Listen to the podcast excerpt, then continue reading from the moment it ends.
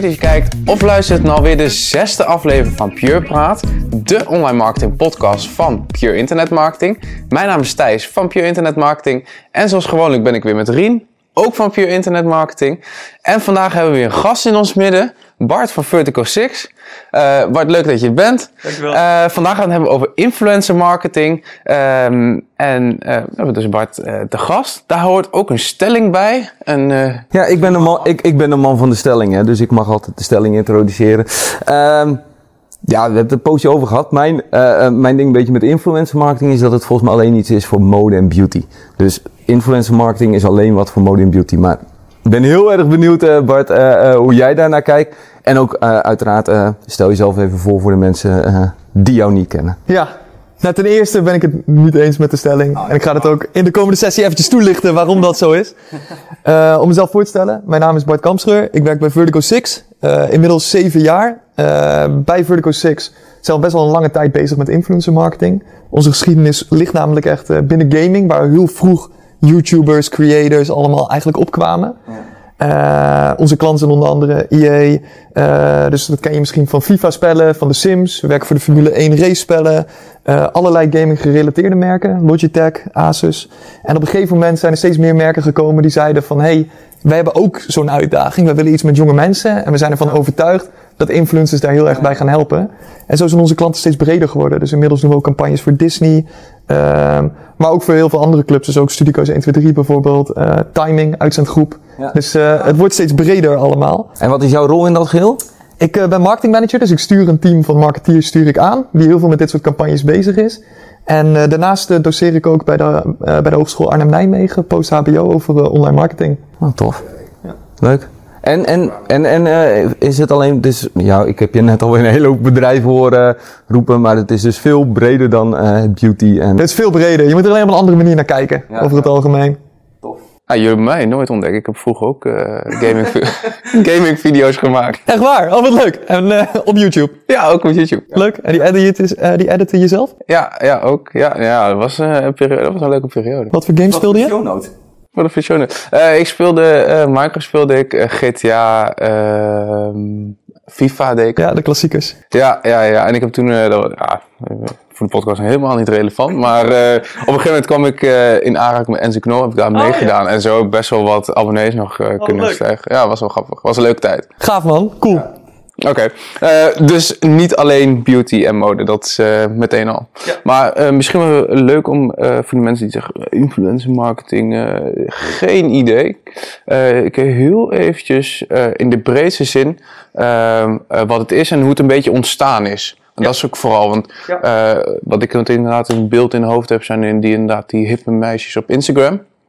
Maar volgens mij gaat het nog veel verder terug. Ja, dus uh, als we kijken gewoon naar influencer marketing in de breedste zin van de definitie, dan hebben we het vaak over dat we iemand die meer invloed heeft dan de gemiddelde persoon gebruiken om onze commerciële boodschap over te brengen naar mensen. Dus dat kan zijn uh, dat een uh, BN'er een bepaald product aanprijst. Maar dat kan ook zijn inderdaad dat een, een hele populaire dame die heel populair is onder haar vriendinnetjes en weet ik het allemaal. Dat zij een bepaald make-upje uitprobeert en dat aanbeveelt bij haar vriendinnen allemaal. Dus het kan van heel groot naar heel klein gaan. En die term die van influencer marketing, die is relatief nieuw. Dus we zien in de afgelopen acht tot tien jaar een beetje dat het helemaal op is gekomen. Inmiddels kent iedereen influencer marketing. Maar het principe om dat in te zetten is natuurlijk al veel ouder. Uh, in, de, in de literatuur vroeger, dan heette dat celebrity endorsement, was dat dan. Dus denk bijvoorbeeld aan een uh, George Clooney die uh, verbonden is aan een Nespresso, zeg maar. Of een recente natuurlijk een Max Verstappen dat aan een supermarkt is verbonden. Ik denk dat iedereen ook weet welke dat is en welk energiedrankje erbij hoort. dus dat principe is al veel ouder. Alleen wat je op een gegeven moment ziet, is dat een aantal jaar geleden met de opkomst van social media, dat in één keer merken zijn gaan denken van, hé, hey, wij hoeven niet alleen zelf content te maken waar we een bekende hoofdpersoon voor nodig hebben. We kunnen ook die personen vragen om zelf iets te maken en dat op eigen titel te gaan delen met mensen.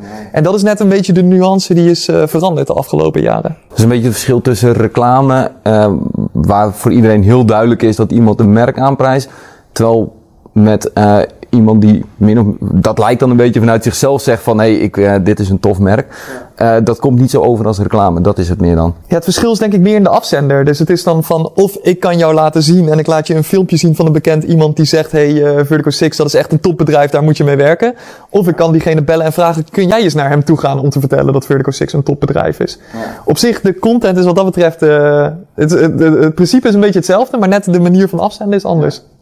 En daar hoort dan ook een, een nieuwere term influencer marketing bij. Het is een beetje oude wijn in nieuwe zakken, zeggen ze dan toch? Een beetje is het. Alleen uh, de nuances zijn anders. Want omdat je op een gegeven moment iemand het zelf gaat laten vertellen, ja. zijn in één keer bedrijven gaan nadenken op wat voor vorm moeten we dat doen. Want ja. het is een beetje raar als diegene zelf met een tv-commercial aankomt, zeg maar, waarin hij zelf iets vertelt. Dat, uh, dan kunnen we beter aan diegene vragen, heb jij zelf een leuk idee om het op een goede manier te vertellen?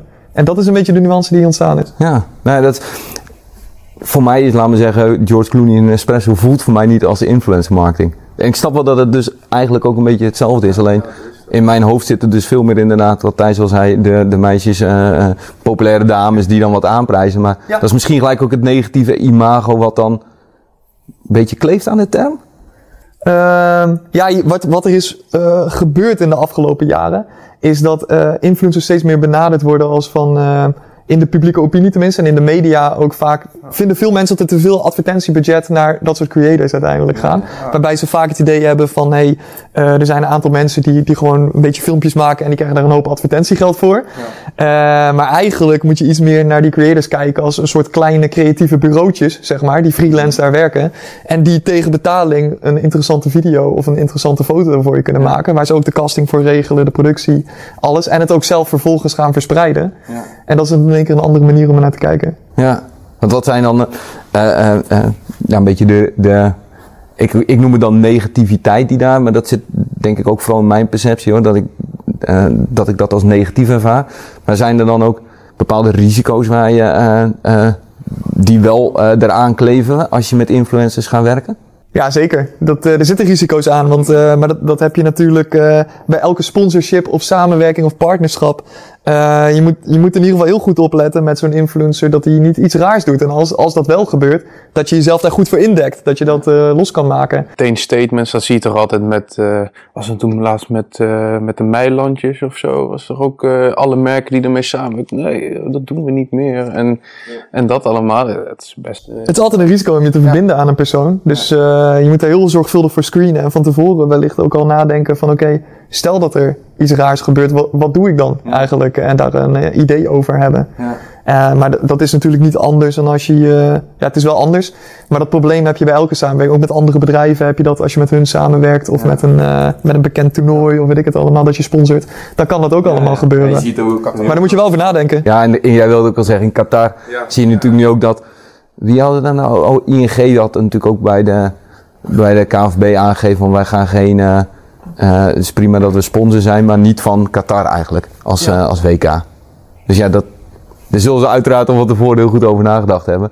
Ja. Maar dat, uh, dat zijn, en zijn, zijn dat, dat zijn de risico's waar je het meest aan moet denken. Ja, maar kijk, op zich komt het niet heel vaak voor, hè, maar het kan altijd gebeuren. Ja. Dat is iets waar je na moet denken.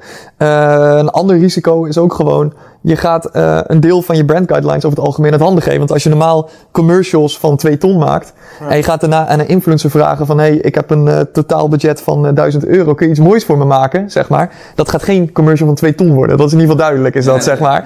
Nee, nee. dus je moet erbij nadenken van... oké, okay, wil ik dat afstaan aan zo iemand? Wil ik dat diegene dat op zijn eigen manier gaat maken? Of, of niet? Ja. En uh, daarmee geef je een stukje controle over je uiting uit handen. Je kunt natuurlijk zelfs heel duidelijk brieven en ook screenen van... Ja. is wat diegene maakt, is dat wat ik mooi vind? Is dat ja. wat, ik, uh, wat ik terecht vind? Maar je gaat de boodschap door iemand anders laten vertellen dan jezelf. En daar, uh, maar, dat, maar dat is... Oh, sorry. Ik heb, ik heb er altijd heel moeite mee. Als ik, als ik, je ziet gewoon soms sommige samenwerkingen denk van kom op. Dat is gewoon een bedrijf die zit haast nog niet met zo'n papiertje achter die camera van dit is wat je moet vertellen. En het is zo gescript. En, en dan mijn kringspier die gaat dan altijd. Oh, nee. Uh, doe dat niet. Maar uh, ik vind juist die samenwerking, tenminste op social media, waar de creator op zijn eigen manier, zeg maar, uh, iets vertelt, vind ik eigenlijk veel mooier. Maar um, misschien, heb je misschien een voorbeeld of iets waar de, waarvan je zegt van, dat was eentje waar het bedrijf een beetje wat losser werd, met een influencer, wat uiteindelijk een mooie manier is geweest, zeg maar. Ja, dus uh, ik zit even te denken wat een leuke is. We zijn dus een keertje voor, uh, voor Asus. Dat vond ik zelf wel een hele leuke. Die wilde graag een, uh, een webserie maken over een telefoon die speciaal voor jongeren was bedoeld. uh, wat we toen hebben gedaan is dat we samen gaan werken met een bekende rapper uit die tijd. Die was in dat geval in ieder geval heel gaande, dat net een nummer 1 album had hij. En wat we met hem hebben gedaan is een webserie maken. Uh, daar hebben we dus ook uh, een, uh, een partij voor gevraagd die normaal altijd die clips schiet van al die populaire rappers. Ja. En wat we hebben gedaan is, daardoor is die volgorde heel erg veranderd. En die rapper ging dus op pad met die telefoon. Die ging dan filmen, films maken met zijn producer samen. En dan zag je ook gedurende die aflevering steeds die batterij, dat die natuurlijk vol bleef. En dan kun je ook de, camera, de kwaliteit van die camera allemaal zien. Ah, ja. En op die manier werd het in ieder geval duidelijk van oké, okay, dit is een nieuwe telefoon van het merk. die is, heeft een hele goede batterij en hij heeft een hele goede camera. En uh, het werd voornamelijk geregisseerd door die rapper en door die clipmakers uiteindelijk. En wat we zien is in ieder geval dat uh, we hebben dat uitgezet als reclames via de kanalen van allerlei populaire raplabels. Mm -hmm. En die werden hartstikke goed bekeken, veel beter dan normale advertenties. En op het moment dat we die mensen gingen retargeten via displaybanners, uh, was de CTR ruim twee keer zo hoog als de koude groep is dat. Ja, ja. En dan zie je in één keer van oké, okay, op het moment dat we hun dan wel binnen bepaalde spelregels. Maar als we de regie uit handen geven, dan kunnen er hele goede dingen uitkomen waar we ook zelf mee aan de slag kunnen gaan. En daar zit juist lijkt me ook die kracht in. Dus wat jij net zegt, die brand guidelines, dat je die als bedrijf dan weet los te laten. Want ja, ja je kan er voor 1000 euro ook niet verwachten dat je voor 2 ton. Maar dat je juist niet die controle. Uh, ik kan me ook tegelijkertijd voorstellen dat het heel lastig is. Dat je die controle juist moet loslaten. Maar ja. als je dat niet doet, dan dan krijg je van die gekunstelde, uh, in elkaar gefabriceerde stukjes waar iedereen heel duidelijk in ziet van ja, dit is niet helemaal. Ja, wat ik vaak zeg tegen bedrijven is, als we een bepaald iets willen laten maken, moeten we eerst nadenken bij een influencer van oké, dus dat, dat komt ook een beetje bij het kiezen van de influencer. Van oké, okay, wat, wat willen we nou uiteindelijk een influencer laten maken? Wat willen we dat diegene gaat vertellen en wat willen we dat diegene gaat doen? Ja. En daarna gaan we iemand zoeken die dat dan ook heel goed kan. Die daar misschien een formatje als standaard voor heeft waar dat goed in zou passen. En waar denk ik bedrijven vaak de mist in gaan, is dat ze denken oké, okay, ik wil een samenwerking met, die, met specifiek die persoon. En dat ze dan zelf een formatje gaan bedenken dat niet per se iets is wat diegene normaal doet. En vaak ook niet is wat diegene goed kan uiteindelijk. Ja. En uh, daar moet je als merk heel goed mee waken. Dus je kunt beter iemand zoeken die al iets maakt wat jij mooi vindt. Ja. En dan diegene dat voor jouw merk laten doen. Dan dat je iemand een opdracht geeft waar diegene helemaal niks mee kan. Nee, inderdaad. En dat is ook wel de rol die jullie dan uh, jullie faciliteren het ook. Dus, dus niet uh, een bedrijf komt bij jullie en zegt ik wil met die samenwerken. Nee, ze hebben een bepaalde doelstelling en dan gaan jullie op zoek naar wat, ja. wie past er dan goed bij. Ja. ja. dus heel vaak komt een merk bij ons en die zeggen van hé, hey, wij willen een influencer samenwerking voor dit product. En dan gaan we nadenken, oké, okay, wat zijn nou haakjes waar dat aan zou kunnen hangen? Ja. Welke personen zou dat nou heel goed kunnen en vallen in die doelgroep waar het product voor uh, beoogd is? En wie passen dan vervolgens in het budget? En dan gaan we dus de dealmaking in, dan gaan we hele strakke briefings opstellen. Dus we willen aan de ene kant genoeg ruimte houden voor creativiteit. Maar tegelijkertijd, zo'n influencer kan niet in het hoofd kijken bij die adverteerder. Willen we heel goed waarborgen dat uiteindelijk wat diegene gaat maken, uiteindelijk binnen het speelveld valt waarin we iets willen hebben uiteindelijk. Ja. En dat zit hem echt aan de voorkant, want achteraf is altijd heel moeilijk uh, schakelen en onderhandelen is dat. Ja, dat snap ik. En uh, uh, stel een bedrijf luistert of iemand werkt bij een bedrijf en denkt, nou, die Bart die heeft bijvoorbeeld over risico's verteld, maar wanneer is het nou interessant voor een bedrijf? Of althans, wanneer zou je daarmee kunnen starten? Wanneer is het interessant voor een bedrijf? Is het voor elk bedrijf? Of zeggen van bijvoorbeeld B2B, we hebben ook best wel wat B2B klanten, kan het daar ook bijvoorbeeld interessant voor zijn? Ja. kunnen die er ook mee starten en op welke manier dan? Ja, het is alleen net, uh, dan is het belangrijk ook om een brede definitie van influencer marketing aan te houden. Ja. Uh, maar het is van tevoren in ieder geval bedenken van waarom wil ik nou iets met influencers doen? Kijk, voor uh, inderdaad die beautymerken is dat heel logisch, weet je wel. Maar heel veel bedrijven zien misschien niet direct die link zo. Maar bijvoorbeeld heel veel bedrijven die hebben zoiets van, nou, wat ik graag zou willen is dat er bepaalde autoriteiten in de markt positief over mij praten. Is dat, uh, en dat hoeft niet per se iemand met 100.000 volgers te zijn. Uh, bijvoorbeeld uh, in de tech-industrie of B2B, dan zijn dat misschien bepaalde mensen die gewoon heel veel autoriteit op het gebied hebben. Misschien 3000 volgers hebben op LinkedIn. Of bekende gezichten zijn in bepaalde communities of in fora. En die kun je dan benaderen van hey, ik heb dit en dit, deze uitdaging. Kun jij hier iets over vertellen? En wat zou je hiervoor willen hebben om dat uiteindelijk te doen? Ja. En dan goed na te denken in wat voor vorm moet dat uiteindelijk? Klinkt misschien een beetje als een cryptisch verhaal, maar... Uh... Ja, nou, ja, het is wel een hele andere manier van denken natuurlijk. Van, het hoeft niet per se iemand te zijn die 100.000 of 200.000 volgers heeft. Nee. Uh, het kan ook iemand wat kleiner zijn die heel goed is in zijn vak, zeg maar. Ja. Dus, dus wat je ook ziet met kleine budgetten, dus uh, dan, dan valt de term micro-influencer natuurlijk vaak. Dus dan influencer wat minder volgers hebben dan echt de grote jongens. Uh, maar wat ik zie bij veel bedrijven is dat ze bijvoorbeeld de creatie van content aan dat soort personen uitbesteden. Dus uh, stel dat je een interessant, meestal dan een consumentenproduct, maar het kan ook B2B met, met bijvoorbeeld bepaalde dure webcams of iets dergelijks, waar misschien iemand wat voor over heeft. dat je met bepaalde mini-autoriteiten afspreekt van hé, hey, ik geef dit aan jou en in ruil daarvoor wil ik dat jij een blog schrijft of een aantal mooie foto's maakt of een video-review. En dat ik die weer mag hebben en dat ik die dan mag verspreiden. Ja. En zo besteed je eigenlijk de creatie van je content en de casting besteed je uit op die manier. Je haalde zelf net al het woord budget aan. Het zijn ja. wel dingen die natuurlijk door mijn hoofd spoken van waar moet ja, de, hoeveel kost het? Dat is misschien altijd dus een beetje zo'n zo'n vraag. Ja, hoeveel kost een auto en hoeveel kost een huis? Maar ja. uh, is, dat, uh, is dat voor elk budget min of meer wel een beetje toegankelijk?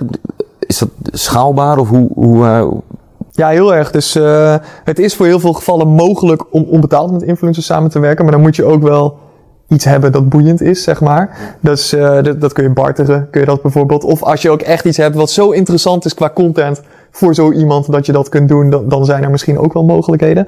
Maar echte prijzen variëren van, uh, van enkele tientjes, enkele honderden euro's tot, tot, tot duizenden euro's. En het verschil is dan heel groot inderdaad of je met je buurmeisje met 2000 of 5000 volgers werkt of met Virgil van Dijk, ik zeg maar wat. Weet je wel, dat is het verschil ertussen. Maar, uh... En met barter bedoel jij, je, je krijgt een product en in, uh, die mag je houden en in ruil ervoor verwacht ik wel dat jij een keer even op Instagram zegt van... ja, en daar, daar moet je altijd uh, een soort van, wel een soort eerlijke balans in vinden. Want wat veel bedrijven dan denken is van, hé, hey, ik stuur, uh, of ik stuur ongevraagd een paar uh, schoenen op naar iemand die normaal 5000 euro vraagt om daar content over te maken. Nu, nu moet hij toch wel iets gaan doen voor mij, weet je wel. Ja.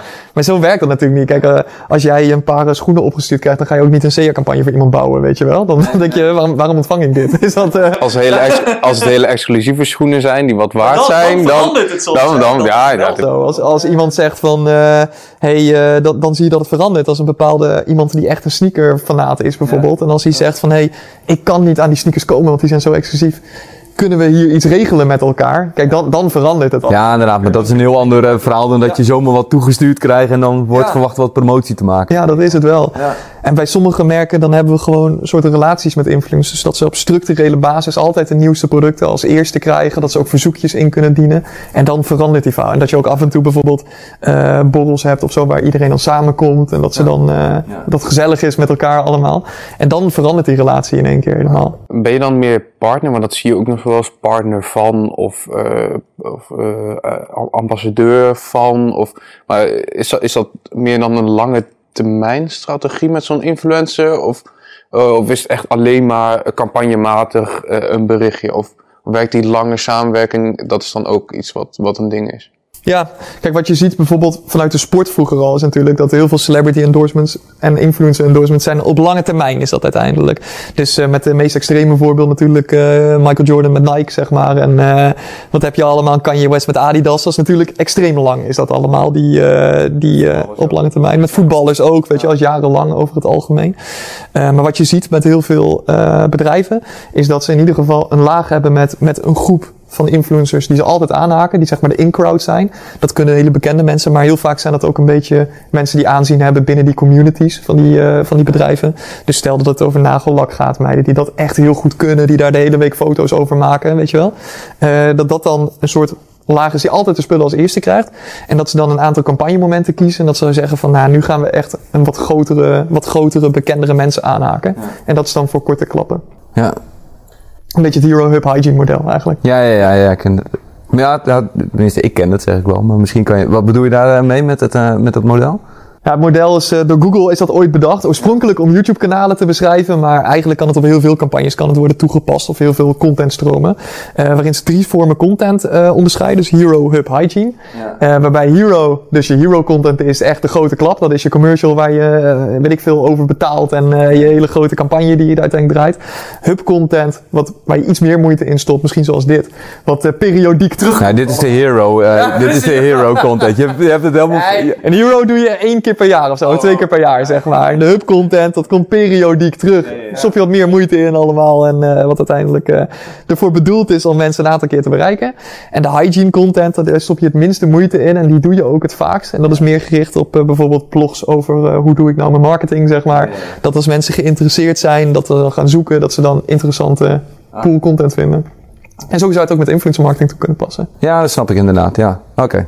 Hey, en uh, um, stel nou, hè, ik, uh, een van onze luisteraars die, uh, die heeft een eigen bedrijf of die is een marketingmanager ergens en die denkt ik, ik wil eigenlijk wel eens gewoon gaan oriënteren of influencer marketing wat zou kunnen toevoegen. Wat voor stappen uh, zou zo iemand moeten door, uh, uh, doorlopen, behalve dan contact met jou zoeken. Maar, ja, daar beginnen natuurlijk mee. Nee. Daar begint het mee. Maar wat zijn er in, in, in ja, zijn er bepaalde stappen, stappenplan of fases waar je, uh, gewoon, waar je over na moet denken voordat je kan beslissen, past het bij mij of niet? Het eerste waar je altijd over moet nadenken is, is, is waarom wil ik nou een influencer aanhaken? Dat, dat, daar begint het altijd mee. En dat stiekem is dat soms best wel een moeilijke vraag voor heel veel mensen. En dat, daar, ja, dat, dat kan een aantal redenen zijn. Dat kan bijvoorbeeld omdat je zegt van hé, hey, ik, ik merk gewoon dat er te weinig over mij gepraat wordt. Ik ben voornamelijk zelf aan het zenden. Het zou voor mij goed zijn als ik wat meer testimonials en zo zou krijgen. Of als ik misschien, als je zegt van hé, hey, ik wil uiteindelijk dat meer mensen, consumenten bijvoorbeeld, over mijn product plaatsen. Misschien zou het goed zijn om een aantal kopstukken te hebben die het goede voorbeeld geven, zeg maar, die dat op die manier gaan doen. Dat zijn bijvoorbeeld redenen om een influencer aan te haken. Of bijvoorbeeld omdat je zegt van hé, hey, ik zit gewoon, ik wil op bepaalde kanalen heel uh, zichtbaar zijn, waar het moeilijk voor mij is om via advertenties uh, mensen te bereiken. Ja. Dat zie je voornamelijk bij een jonge doelgroep is dat. Of ik zoek inderdaad mensen die iets kunnen vertellen op een manier wat volgens mijn eigen brand guidelines, wat bij mij als afzender niet kan of niet geloofwaardig is. Mm -hmm. wij, bijvoorbeeld, wij werken bijvoorbeeld uh, ook in het onderwijs.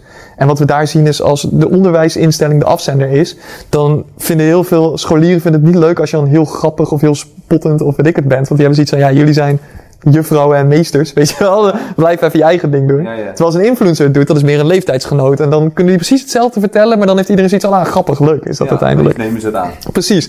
Dus dat zijn redenen om uiteindelijk een influencer aan te haken. En als je, de, als je daarna, als je het daarover eens bent, als je zoiets hebt van, nou, ik weet waarom ik een influencer aan wil gaan haken, dan kun je gaan nadenken van, oké, okay, hoeveel geld heb ik er nou voor over? Wie heb ik er voor nodig om dit te doen? En wat wil ik dan dat diegene gaat maken? En wat zijn dan logische doelstellingen? Is dat altijd gewoon uh, een stukje zichtbaarheid? Of zit het ook wel, wij zitten natuurlijk als bedrijf vaak op conversies gericht, ja. hè? Dus ja, ja. zie je bijvoorbeeld ook, uh, ik kan me voorstellen dat het goed werkt door als een bekend uh, iemand zegt van uh, koop nou dit, want dan. Uh, maar, maar, maar, zie je dat ook? Zijn dat dan ook directe doelstellingen eraan of zijn dat meer de subdoelstellingen? Ja, het verandert. Het is heel erg per campagne verschilt het. Dus wat je vaak ziet. Heel vaak is bereik is een doelstelling.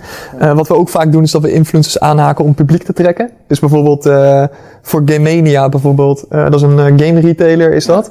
wat we een aantal keer gedaan hebben is dat als die een nieuwe vestiging openen, dan willen ze gewoon dat het direct vol zit, weet je wel. Want ja, je wilt toch uiteindelijk daar een spetterende opening hebben. Ja, ja. En zij brengen natuurlijk een eigen community, doen ze heel goed, brengen ze op de been. maar als extra publiek trekker, dan haken ze vaak een bekende influencer aan. En wat je dan ziet is, die gasten kunnen dan op vrijdagmiddag zeggen van, hé, hey, morgen 9 uur, dan ben ik bij de Gamemania in Amsterdam.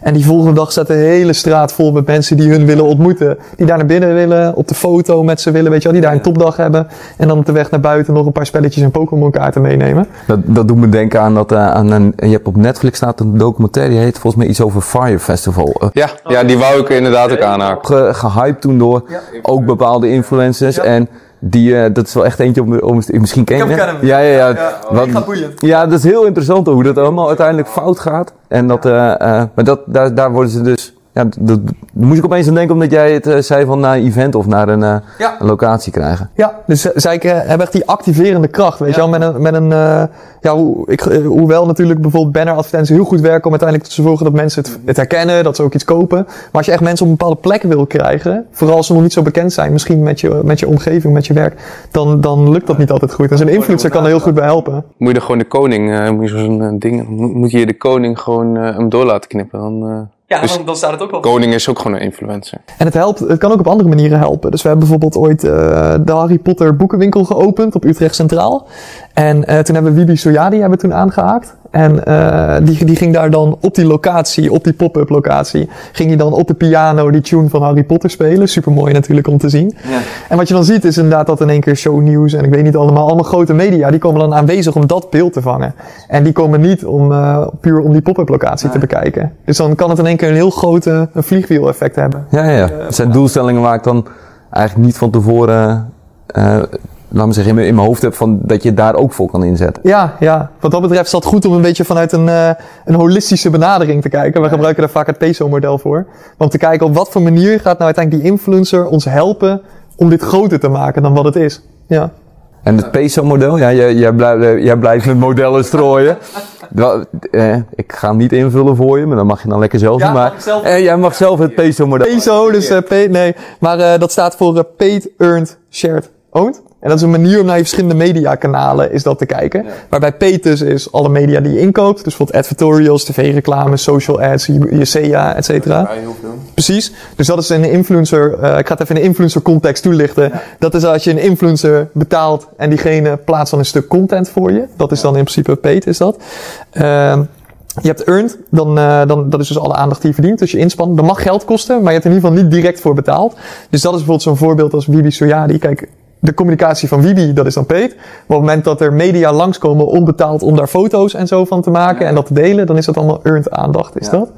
Dan hebben we volgens shared, dus uh, je mediakanalen die je deelt met anderen die niet van jezelf zijn, maar waar je wel zelf op mag bepalen wat er komt. Dus meestal zijn dat social kanalen, zijn dat. Ja. Uh, het is belangrijk om daar het onderscheid te maken met owned, want als zo'n platformhouder zegt uh, doei of dit mag niet meer, dan is het ook klaar over het algemeen. En wat we dan met influencers bijvoorbeeld doen, is bijvoorbeeld een takeover van Instagram bijvoorbeeld. Of dat zij livestreams verzorgen op een, op een kanaal, zodat dan uh, zij hun volgers op kunnen roepen om naar dat kanaal te komen. En zodat je uiteindelijk een nieuwe stroom van mensen krijgt die met je merk in contact komen. Ja. Ja. Of wat we ook vaker doen, is dat we dan influencers dan hun portretrechten afkopen. Zodat we dan hun content mogen gebruiken op onze shared kanalen. Ja, ja, ja. Dus kunnen we ook op die manier weer mensen trekken en hebben we interessante content. Of je oont dus alles wat van jezelf is, je eigen website, e-mail, weet ik het allemaal. Ja. Uh, dus daar, daar kun je bijvoorbeeld kijken van, hey, kan ik die influencer, kan die misschien uh, foto's maken voor in mijn webshop? Of kan zo'n influencer, kan die misschien voor mij bloggen? Of kan ik een blog over diegene maken? En zo proberen we wat te kijken, nou, als we kijken naar die uh, kanalen, waar, waar, komen we tekorten tegen? Of waar zouden we nog meer uit kunnen halen? Ja. En wat zou een influencer daarop toe kunnen voegen? Ja, en, en die doelstelling, we hadden het net over doelstellingen, schoof nog in mijn hoofd. Is het altijd online of is altijd een online doelstelling wat, wat bedrijven hebben of kan het ook offline iets? Nou, bijvoorbeeld zo'n retail activatie, dat is echt offline is dat. Dus ja. er komen allemaal mensen in de echte wereld die daar opkomen dagen en daar naartoe gaan. Uh, het kan natuurlijk ook zijn dat je er uiteindelijk hoopt dat er printmedia aangehaakt worden. Uh, dus we hebben in het verleden ook wel eens voor games hebben we dan samenwerking met rappers gehad. En dan kunnen ze interviews geven bij de Telegraaf en bij andere grote media die daar niet met die game op zich dan per se daar een interview over willen doen, maar wel dan samen met zo'n bekend iemand. -huh. ja, er zijn ook heel veel andere dingen. Maar wat je wel vaak ziet is dat influencers uiteindelijk, heel vaak is het wel, begint het op online in ieder geval. Ja. En de effectiviteit uiteindelijk zijn er wel dingen die jullie dan ook uiteindelijk ook doormeten van hoe, hoeveel daadwerkelijke omzet ja. of traffic naar, me, naar, naar de site of socials. Wat, wat het wel is, dat is goed om te vermelden over influencer marketing. Heel vaak is het iets moeilijker dan uh, via SEA of andere kanalen is dat. Uh, vooral binnen die kanalen zijn heel veel data is best wel moeilijk te achterhalen. Binnen Instagram, binnen Facebook, et cetera. Uh, wat we in ieder geval proberen te doen is bijvoorbeeld conversie meten door kortingscodes. Ja. Uh, je kunt bij iemand met een story kun je natuurlijk een UTM meegeven, zodat je in ieder geval ja. kunt meten wat er allemaal gebeurt. Maar hoe je er zelf meer controle over kunt krijgen is door een influencer dan uh, dus content te laten maken. En dat zelf als je eigen advertenties te verspreiden. Ja, want dan kan je echt in die... Dan kun je veel, dan heb je dezelfde methodes die je normaal ook als e-commerce zou hebben. Ja. Um, en, maar bijvoorbeeld op het moment dat je iemand voor een retail activatie of zo vraagt, dan is het mega zichtbaar. Is het direct wat de resultaten zijn. Maar, maar het is niet zo dat je bijvoorbeeld met zo'n influencer afspreekt, jij hebt, uh, weet ik veel, 10.000 volgers. Dus dat betekent dat wij uh, 10.000 uh, views of... heb je het over dat soort metrics ook om, om wel je doelstellingen te kaderen van hoeveel zichtbaarheid krijg je voor, voor, voor je geld? Wat we vaak doen met, uh, met creators is dat we een, een, bandbreedte afspreken waar het in moet vallen. Ja. Uh, dus dat we zeggen van, dat heel vaak wat zij zullen zeggen is van, hé, hey, maar ik, ik moet het op basis van jouw briefing maken. En hoe, ja. hoe moeilijker, hoe ingewikkelder je briefing is of hoe uh, commerciëler het is, hoe lager dat vaak gaat zitten. Maar dat we zeggen van, hé, hey, we verwachten in ieder geval dat het minstens zo vaak bekeken wordt. En dat is dan bijvoorbeeld vaak 70% van zijn normale aantal of zo, zoiets is het dan. En als dat niet zo is, dan daar maak je dan afspraken over van wat er gebeurt. Dat kan bijvoorbeeld zijn als je zo'n portretrechter dan tijdelijk mag hebben, zodat je het zelf nog een stukje kunt verspreiden. Of misschien moet diegene iets extra doen, moet hij een extra stukje content plaatsen. Ah, ja. Ja. Het is dus eigenlijk best wel performance-based hoe je die afspraken maakt. Dus als je een bepaald aantal views wat je afspreekt niet haalt, dan is het niet jammer, maar dan is het oké, dan gaan we kijken hoe, je, uh, hoe we dat wel kunnen realiseren met bijvoorbeeld portret, ja. portretrecht afkopen of andere opties. Ja, maar tegelijk is het ook wel belangrijk om nuance te maken. Het is niet zo performance-based als affiliate afspraken of als uh, sommige andere vormen van advertenties. Want wat uh, goed is om te beseffen is dat ook gewoon een deel van de prijs zit ook gewoon in dat je een hoofdpersoon hebt die zich eraan wil verbinden. En dat iemand die content gaat maken, zeg maar. Dus dat is wel een deel van de prijs. Heel vaak denken mensen toch met, hey, uh, ik heb dit met die influencer afgesproken. Dan is de CPM relatief hoog, weet je wel. Ja, ja. Maar je moet er altijd bij bedenken van, oké, okay, diegene is het ook daadwerkelijk gaan maken. Heeft het bedacht en is het gaan maken uiteindelijk. En dat zit erbij in. Vandaar dat dan vaak je een deel van de performance afspreekt, maar ook niet alles. Want dat is niet de enige dienst die zo iemand levert. Nee, nee, ik snap het. Ja, dus er zit ook wel wat regels of dingen aan, aan zo'n aan zo'n samenwerking, zeg maar. Ja, ja, om gelijk, uh, wil je van regels ook naar regelgeving starten? Ja, ja, ja, regels. Want er is natuurlijk ook wel een stukje regelgeving uh, zit eraan. Uh, wat je ziet in de afgelopen jaren, hebben we als adverteerders onderling, hebben we best wel wat afspraken gemaakt van hoe willen we nou met influencers samenwerken. Op zo'n manier dat iedereen het gewoon fair vindt. Want het is wel belangrijk. Heel veel influencers hebben uh, relatief jonge volgers uiteindelijk. Maar ook voor mensen die geen jonge volgers hebben, is het ook belangrijk om uiteindelijk transparant te zijn. Om het toch iets meer naar andere kanalen recht te trekken, zeg maar. Met endorsements die daarop zijn. Uh, dus daar zijn, daar zijn we veel mee bezig. Dus vanuit de reclamecodecommissie zijn er een aantal richtlijnen opgesteld. Uh, dat is bijvoorbeeld. Ja, voor kinderen vooral toch? Ja, maar ook uiteindelijk voor volwassenen uiteindelijk die dat doen. Dus vanuit de reclamecodecommissie is inderdaad voor kinderen, voor sommige categorieën mag je bijvoorbeeld helemaal geen reclame maken. Uh, maar in het algemeen over influencer samenwerking is het gewoon heel belangrijk dat het voor de kijker duidelijk is dat het om een betaalde samenwerking gaat. Ja, ja. Want wat je ziet natuurlijk, uh, vooral aan het begin was het echt nog Wilde Westen. En dan merk je toch dat veel bedrijven eigenlijk willen dat iemand een soort van wil verbergen dat het reclame is. Ja. Terwijl eigenlijk heel veel mensen die snappen wel dat, dat een creator soms betaalde samenwerkingen aangaat. En het gaat er meer om van oké, okay, is die content leuk? En geloof ik ook dat diegene dit ook daadwerkelijk aan wil prijzen, weet ja. je wel? En dat diegene daarvoor betaald krijgt, dat is zijn werk. Ja. Ja, ik, ik vind dat heel, uh, dat, vooral dat laatste vind ik heel, uh, dat, dat niet, ja, pak ik weer dat meisje op Instagram erbij, maar dat die om, om 11 uur een post doet over merk A, uh, 1 uur over merk B, om 5 uur merk C, en dan die oprechtheid valt een beetje weg. Volgens mij is ooit een podcast geluisterd van Demi de Zeeuw over Baller en 433, en die, die zeiden ook, we zijn ermee gestopt, omdat mensen niet meer oprecht waren, maar dat is ook een beetje die die modebranche of zo. Maar hoe zorg je er wel voor dat iemand dat echt oprecht, uh, zeg maar, uh, reclame wil maken voor een bedrijf, voor jouw bedrijf?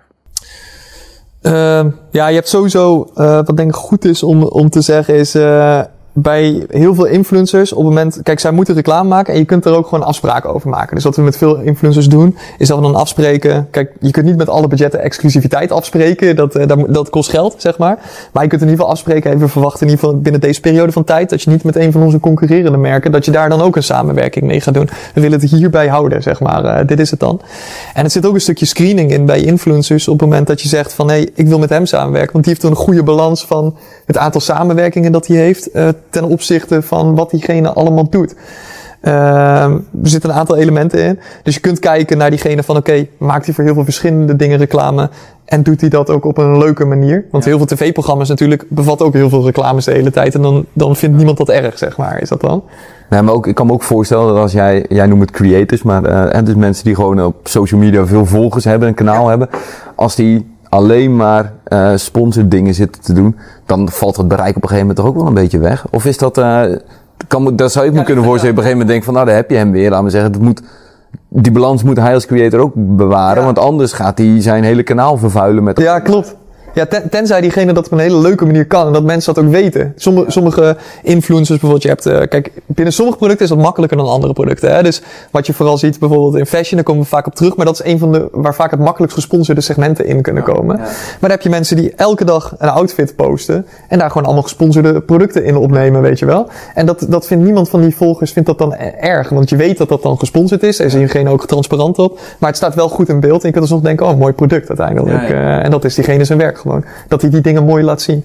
Dat hoeft niet erg te zijn, maar wat je wel hebt is als iemand eerst reclame maakt voor uh, shampoo en daarna voor een, uh, een uh, zakelijke webcam en daarna voor een bureaustoel of weet ik het, dan, dat je wel denkt van ja. En dan altijd zo'n foto van hey, dit ben ik met die stoel samen, weet je wel. Dan kun je wel afvragen als merk van oké, okay, voegt er nou heel veel waarde voor mij toe om hier tussen te gaan staan. Ja, dat snap ik. Ik, het schiet me een vraag te binnen. Uh, we hadden het net over kinderen en zo. Uh, er zijn ook best wel wat uh, jongere mensen, zeg maar onder de, onder de 16 of zo. Toen ik ook een YouTube-kanaal was, ja. ook onder 16, maar die ook reclame maken. Zit daar qua wetgeving, mag dat? Want je mag natuurlijk als kind zijn, je mag niet zomaar werken. En er zit best wel wat. ja, best wel wat taboe over ouders die vloggen en zo. Die zeggen die kinderen de hele dag in beeld en zo. Zit er nog iets van wetgeving in dat dat wel of niet mag? Of, ja, dat, dat is best wel een interessante vraag. Dat is ook best wel een interessante discussie die speelt. Dus waar ik ook niet een heel eenduidig antwoord op heb. Je hebt in ieder geval als adverteerder mag je niet kinderen oproepen om reclame voor je te maken. Dat, dat, mag in ieder geval niet. Uh, maar dat is wel echt onder een vrij jonge leeftijd. Ik, volgens mij is een kind onder de 13 jaar uit mijn hoofd. Uh, maar uh, voordat ik iets juridisch verkeerd zeg uiteindelijk allemaal. Maar je mag bijvoorbeeld dus ook niet als adverteerder een influencer inzetten om dan een actie te gaan doen waarmee kinderen iets moeten gaan delen of zo. Dat, dat, dat soort dingen mogen absoluut niet. Wat je nog wel hebt is dan, oké, okay, hoe werkt dat dan met iemand van 14 tussen 16, weet ik het allemaal, die reclame moet gaan maken. En ook met hele jonge vloggers. Uh, is dat dan kinderarbeid? En daar is wel een discussie die speelt op dit moment. En wat volgens mij op dit moment juridisch nog mag. Dus waarbij uiteindelijk de wetgever zegt, dat is anders dan in een fabriek werken, zeg maar. Dat, dat is niet hetzelfde, filmpjes maken en iets verdienen of in een fabriek werken uiteindelijk. Want daar zijn die wetten oorspronkelijk voor bedoeld. Ja, ja. Uh, maar het is nog wel afwachten van waar, waar begeeft dit zich de komende tijd naartoe. Ja. Dat is zo. Dat is een hele interessante, is dat. Ja, ja, Maar dat is een discussie die nu speelt en waar nog niet echt een... Uh...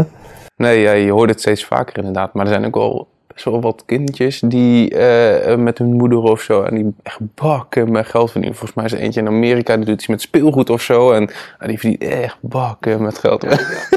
Ik heb dan een zoontje van uh, uh, ook nog do twee dochtertjes, maar in ieder geval die kijkt dan filmpjes op YouTube en die kijkt dan als wij hem niet corrigeren, dan zit hij heel vaak inderdaad dat soort filmpjes te kijken van uh, mensen die dan in een heel groot huis wonen in Amerika, die inderdaad speelgoed uitpakken en zo. Die met van die speelgoedautootjes rondrijden en zo. Die hebben echt miljoenen ja. views en volgers ja. op YouTube. Dat vind ik altijd wel een beetje op het randje dat ik denk, ja, ik weet niet. Ik, ik, heb ook liever niet dat hij het kijkt, eerlijk gezegd. ja, snap ik wel inderdaad. Maar je ziet qua regelgeving dat er wel gewoon steeds meer gebeurt. Dus uh, wij zitten ook best wel dichtbij op. Dus ik, ik ben namens Vertical 6 zit ik dan uh, bij DDMA in de Influencer Marketing Commissie. Uh, en daar zijn we best wel strak zijn we bezig met, oké, okay, hoe kunnen we nou zorgen dat we met z'n allen dit ja. eerlijk uh, en voorspelbaar kunnen doen. Dat iedereen weet waar hij aan toe is. En dan zijn we nu ook bezig met dan een nieuwe website. Die wordt dan binnenkort gelanceerd. Waar je dan ook, uh, ik weet trouwens niet of het een spoiler is, maar dat zien we wel. Maar uh, dat, waar, waar je dan gewoon naartoe kunt gaan. En daarop krijg je dan precies per situatie, kun je als adverteerder of als influencer, kun je dan zien van oké, okay, dit is mijn situatie. Wat moet ik dan doen om aan de regelgeving te voldoen? Ah, tof. Nou, wel goed dat je daarin voorop wil lopen. Ja, maar dat is ook belangrijk gewoon, want we willen gewoon het zelf op tijd doen voordat, voordat, het, zeg maar, uh, voordat de dingen echt fout gaan. En op zich, als we dat met z'n allen met elkaar uh, een beetje handhaven, dan kunnen we dit ook gewoon eerlijk doen met z'n allen. Ja, en dan verpest niemand het ook. En we hebben het uh, best wel veel uiteindelijk toch nog wel over consumentenproducten gehad. Ja. Zijn er dan ook nog voorbeelden die je kan aandragen voor bedrijven die in het zakelijk segment zitten, hoe zij, op wat voor manier zij kunnen nadenken over influencer marketing? Ja, wat je vaak ziet in het zakelijke segment is dat uh, de, de, de meest toegankelijke manier om over na te denken is om te kijken van oké, wie van mijn eigen werknemers zijn nou bijvoorbeeld autoriteiten op bepaalde gebieden en kan ik die mensen dan helpen om content te maken waarmee ze dat profileren en wat goed op mij afstraalt als bedrijf. Dus uh, dat kan bijvoorbeeld zijn door je werknemers een gelegenheid om, uh, te geven om een podcast bijvoorbeeld te maken. of je kunt, uh, je kunt bepaalde formatjes aanleveren waarmee ze makkelijk content voor LinkedIn kunnen maken. Of je kunt ze de gelegenheid te geven om voor je te bloggen of iets dergelijks. Maar dan op persoonlijke titel richting een eigen netwerk. Dus dat is een hele toegankelijke en effectieve manier om ernaar te kijken. Zo zou ik er nog niet kijken, want we zitten inderdaad heel erg te kijken naar hoe kan je met externe, maar eigenlijk zeg je zeker B2B heb je misschien wel in je, in je, in je onder je collega's of binnen je bedrijf heb je misschien wel uh, 30 influencers. Ja, zeker. Ja. 100%. Vooral als je binnen een niche werkt. Dan, ja. Uh, ja. Dat is een, de mooie termen wat kwam voor in de vorige podcast terug. Maar ik had hem nog niet gelinkt aan uh, dus employee advocacy. Maar ik had hem inderdaad niet gelinkt aan dat het dan echt ook een soort van influencer marketing is. Ja, ja waar wij dan dus bijvoorbeeld normaal dan over zijn na te denken is oké, okay, als we kijken naar, onze werk, naar die werknemers van die klant dan, wat, wat zijn dan dingen die diegene goed zouden kunnen maken? Wat zouden we graag, waarvan denken we dat het interessant is voor die mensen om te vertellen? En hoe kunnen we ze daar dan bij helpen? Tof. Had ik niet over nagedacht. Oké. Weer wat geleerd. Als we teruggaan naar de stelling. We, we hadden de stelling, influencer marketing is alleen interessant voor beauty en mode. Nou, volgens mij kunnen we wel eh, concluderen dat, nou, we hebben het over B2B gehad, over allerlei mogelijkheden, offline, online, eh, doelstellingen. Eh, het is veel breder dan dat. Er is een hele wereld voor me open gegaan. Super, Ja, om te horen. ja nee, ik, eh, echt, eh, echt heel, eh, heel interessant. En eh, bedankt, eh, bedankt voor je input. Ja, dank jullie wel dat ik kon komen. Super. Ja, nou, eh, iedereen die luistert of kijkt, eh, eh, bedankt voor het luisteren. Ehm, en dan zien we graag weer de volgende keer bij Pure Praat. Eh, Bart, bedankt en eh, tot de volgende keer. Eh, doei!